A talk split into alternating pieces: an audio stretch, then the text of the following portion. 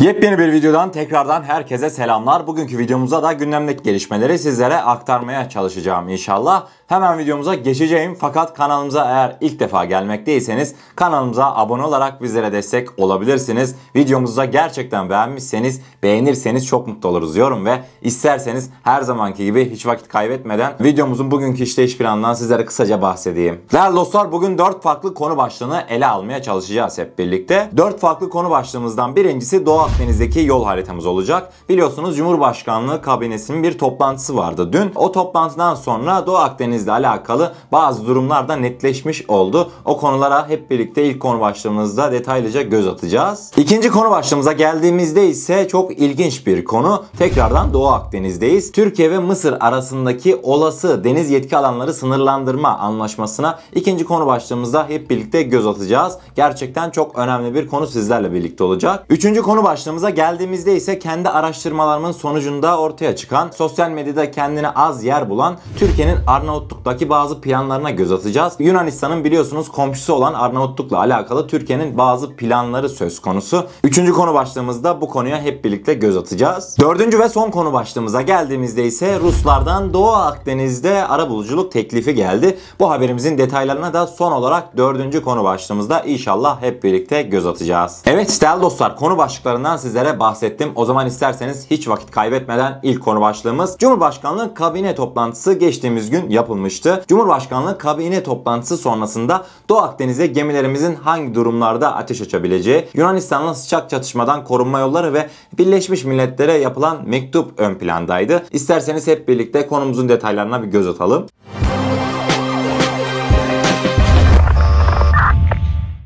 Önceki gün yapılan kabine toplantısında yeni tip koronavirüs salgınıyla mücadelenin ardından üzerinde en fazla durulan konu Doğu Akdeniz ve Ege'deki gelişmeler oldu. İlk olarak Yunanistan'ın ve bu ülkeye destek veren Fransa'nın Doğu Akdeniz ve Ege'de yaşanan gelişmeleri Birleşmiş Milletler Güvenlik Konseyi'ne taşıma girişimi kapsamlıca değerlendirildi. Birleşmiş Milletler'in bu tarz konularda bir pozisyon almadığını, bu tarz konuların diplomasiyle ve suhuletle çözümünden yana olduğu bilgisi kabineyle paylaşıldı. Türkiye'nin uluslararası hukuk nezdinde tezlerinin haklı olduğu vurgulanarak bu platforma taşımaları onların haklı olduğu anlamına gelmez. Kendimize güveniyoruz. Uluslararası hukuk nezdinde Türkiye haklı değerlendirmesi yapıldı. Toplantıda Dışişleri Bakanı Mevlüt Çavuşoğlu Birleşmiş Milletler Genel Sekreteri Antonio Guterres'e yakın zamanda mektup yazdığını da hatırlattı. Çavuşoğlu hem kendisinin hem de tüm diplomatik yollar kullanılarak uluslararası ve ilgili kurumlara ön koşulsuz Yunanistan otursun tezine güveniyorsa anlatsın. Hangi uluslararası hukukta hangi hakları varmış,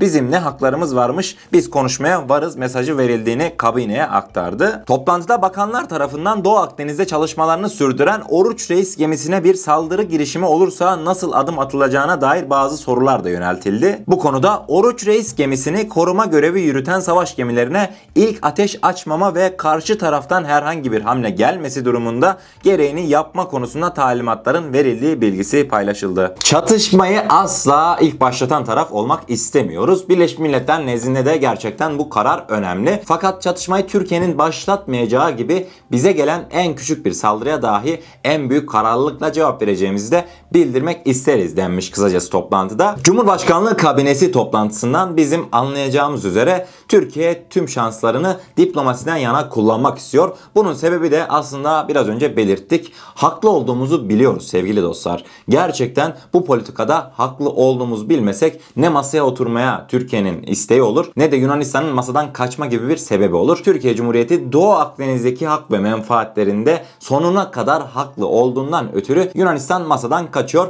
Fakat Türkiye bundan sonraki süreçte özellikle Birleşmiş Milletleri biraz daha sürece dahil etmek istiyor ki uluslararası hukuk nezdinde de Yunanistan'ın yapmış olduğu gelişmelerin yanlış olduğu vurgulansın diye. Sevgili dostlar böyle bir sürece madem girmişken, madem uluslararası mecralarda Doğu Akdeniz'deki faaliyetlerimizin doğru olduğu anlatılacaksa bana kalırsa bundan sonra şöyle bir süreç yönetilebilir. Türkiye'nin özellikle yurt dışı kaynaklı medya ajansları ya da Dışişleri Bakanımız Sayın Mevlüt Çavuşoğlu da bu sürece dahil olabilir bana kalırsa. Bizzat Türkiye'nin tezlerini ve daha önce başka ülkeler arasında işte Fransa ve İngiltere buna bir örnek. Başka ülkeler tarafından yapılan anlaşmalar uluslararası medyayla paylaşılabilir. Hatta Dışişleri Bakanımız Mevlüt Çavuşoğlu özellikle dış medya mensuplarını Türkiye'ye davet ederekten olayları aynı bir sunum, panel mantığıyla Doğu Akdeniz'deki Türkiye'nin çıkarlarını doğru bir şekilde şekilde anlatabilir. Dünya kamuoyunda da her ne kadar çok fazla bir ses getirmese de böyle bir gelişmenin olumlu bir şekilde Türkiye'ye katkısının olacağı kanaatindeyim değerli dostlar. Sizler bu konuda ne düşünürsünüz? Yorumlarda düşüncelerinizi belirtebilirsiniz. Değerli dostlar ilk konu başlığımızdan bahsettik. Gelelim ikinci konu başlığımıza. Sosyal medyada çokça aslında bu olay dolandı. Mısır ile Türkiye arasındaki deniz yetki alanları anlaşması. Değerli dostlar biliyorsunuz Mısır'la her ne kadar diplomatik bir süreç yürütmesek de istihbarat örgütlerimizin fikir alışverişinde olduğu medyaya yansımıştı. Bu herkes tarafından bilinmekteydi. Sizlere değerli dostlar bu konuda ilk olarak emekli generallerimizden Deniz Kutluk. Deniz Kutluk şahsen benim çok ilgimi çeken bir açıklamada bulundu. Neydi o açıklaması isterseniz hep birlikte bir göz atalım. Emekli Tüm Amiral Deniz Kutluk Mısır ve Türkiye anlaşmasına atıfta bulunaraktan Mısır Yunanistan ile imzaladığı anlaşmayı henüz parlamentonun alt kanadında onayladı. Mısır dünya kadar deniz alanı kaybettiği için bu durumdan memnun değil. O yüzden Mısır bir an önce bizimle münhasır ekonomik bölge imzalamak istiyor açıklamalarında bulundu Deniz Kutluk. Evet gerçekten de tüm amiralimiz Deniz Kutluk'un dediği kadar da vardı Mısır'ın kaybetmiş olduğu deniz yetki alanları. Daha önceki videolarımızda bahsetmiştik. Mısır bildiğimiz Tonga'ya düşürülmüştü. Değerli dostlar Mısır kısacası Deniz Kutluk'un açıklamalarına göre bu durumdan rahatsız ve Türkiye ile istihbarat örgütleri vesilesiyle bu konu hakkında görüş alışverişleri sürmekte. Sevgili dostlar tamam görüşmeler devam ediyor dedik. Fakat Türkiye nasıl bir süreç izlemelidir? Deniz Kutluk bu konuya ilişkin de açıklama yaptı. İsterseniz detaylar bir karşınıza gelsin. Deniz Kutluk açıklamalarının devamında Mısır ve Türkiye'nin yeni bir deniz yetki anlaşması imzalaması durumunda Yunanistan ile imzaladığı anlaşmanın geçersiz sayılacağını belirtirken Türkiye ve Mısır'ın temel olarak anlaşmazlığa düşmesi için bir sebep yok. O halde iki ülke yetkilileri başlattıkları görüşme sürecini sonuçlandırırsa Türkiye ve Mısır daha iyi bir anlaşma imzalayabilir. Bu durumda ise Mısır yönetimi Yunanistan ile imzaladığı anlaşmayı onaylamaz. Anlaşma ortada kalır. Viyana Anlaşmalar Sözleşmesi'nin 47. maddesine göre parlamentoda onaylamayan sonuç doğurmayacaktır. Böyle bir işbirliği imkanı var. Türkiye'nin hızlı hareket etmesi gerekir açıklamalarında bulundu. Son olarak Mısır'a söylenmesi gereken bir başka hususla da alakalı değerlendirmelerde bulunan Kutluk, Mısır'a söylenmesi gereken başka husus ise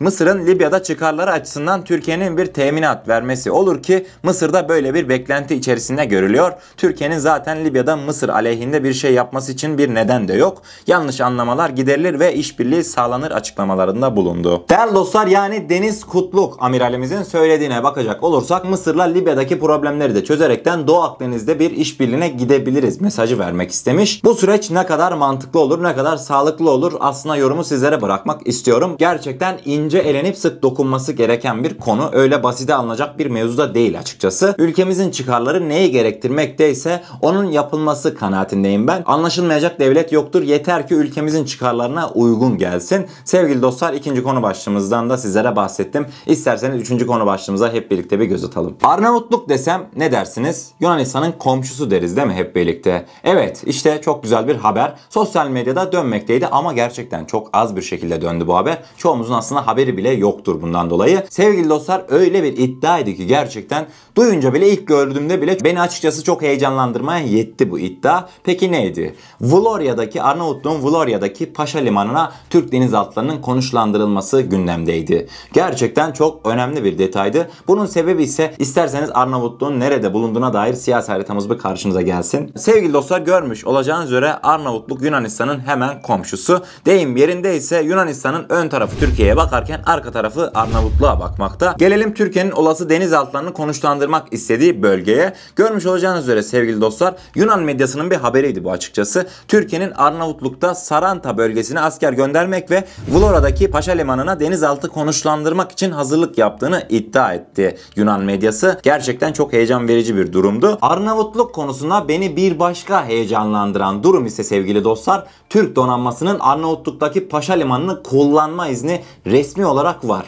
Nasıl mı? Detaylar karşınıza gelsin. 1950'lerde Paşa Limanı Sovyet donanmasının Akdeniz'deki tek limanıydı. Sovyet sosyalistlerin dağılmasından sonra Paşa Limanı Türkiye tarafından yeniden onarıldı ve Arnavutluk'la ikili askeri anlaşma gereği Türk donanmasının burayı kullanma izni bulunmakta. Gerçekten özellikle Paşa Limanı bölgesi çok güzel bir konumda. Hani Yunanistan'a deyim yerindeyse korku salacağımız bir bölgede. Sevgili dostlar bundan size bahsetmek istedim. Çünkü ilerleyen günlerde tüm medya ajanslarında bu haberi haberi görürseniz şaşırmayın. Önceden bir duyum gibi geldi bana açıkçası. Her ne kadar Yunan medyasının iddiası olsa da böyle bir durum söz konusu olabilir. Ve hatta bilmiyorum geçen videolarımızda da bahsetmiştik. Denizaltımız belki de kim bilir oralardadır. Hazır sosyal medyada görmüş olduğum haberleri sizlere aktarmışken bir başka hususa değinmek istiyorum sevgili dostlar. Şimdi karşınıza bir fotoğraf gelecek. O fotoğraf bizim tanklarımızı taşıyan bir aslında tıra ait. Fakat detayları aynen şu şekilde. Değerli dostlar bu fotoğraf özellikle eski takipçilerimize tanıdık gelmiştir. Nasıl mı tanıdık gelmiştir?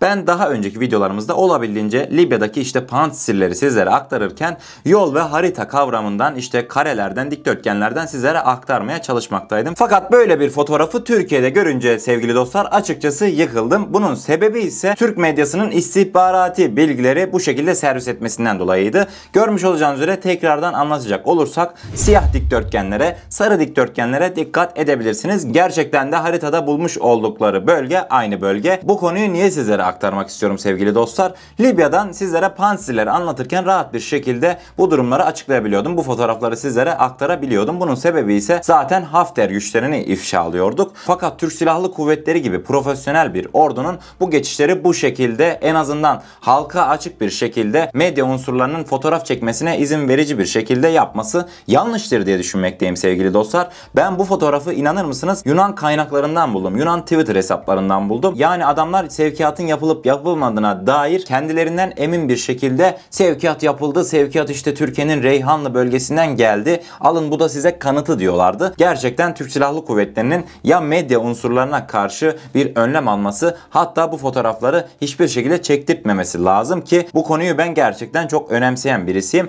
Koordinatlar vesilesiyle gerçekten hangi bölgeden hangi zırhlı araçları nereye gönderdiğimizi bilmekteler. Bilmiyorum sizin düşüncelerinizi gerçekten çok merak ediyorum bu konu hakkında. Acaba ben mi çok büyütüyorum bu olayları? Yorumlarda görüşlerinizi belirtebilirsiniz değerli dostlar. Evet sevgili dostlar 3. konu başlığımızdan da bahsettik. Gelelim 4. ve son konu başlığımıza. Ruslardan ara buluculuk teklifi geldi desem ne dersiniz?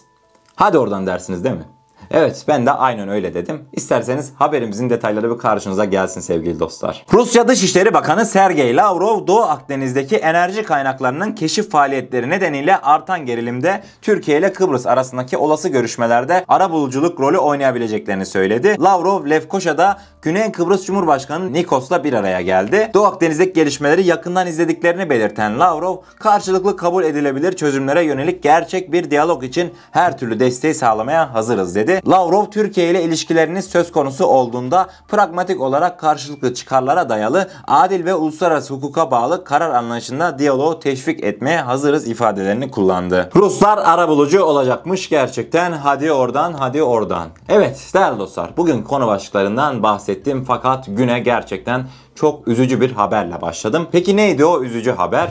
İdlib'de görev esnasında şehit düşen Tuğgeneral Sezgin Erdoğan. Şehidimiz var Türkiye. Gerçekten üzücü bir sabahtı bugün benim için. Değerli dostlar buradan da son olarak İdlib'de görev esnasında şehit olan Tuğgeneralimiz Sezgin Erdoğan'a Allah rahmet eylesin diyorum. Mekanı cennet olsun. Son kez hatırlatıyorum. Eğer kanalımıza ilk defa gelmekteyseniz kanalımıza abone olarak bizlere destek olabilirsiniz. Videomuzu beğenmişseniz de beğenirseniz çok mutlu oluruz yorum ve kendinize çok iyi bakın. Her şey istediğiniz gibi olsun. Tekrardan Yüce Türk milletinin başı sağ olsun. Hoşçakalın, sağlıcakla kalın.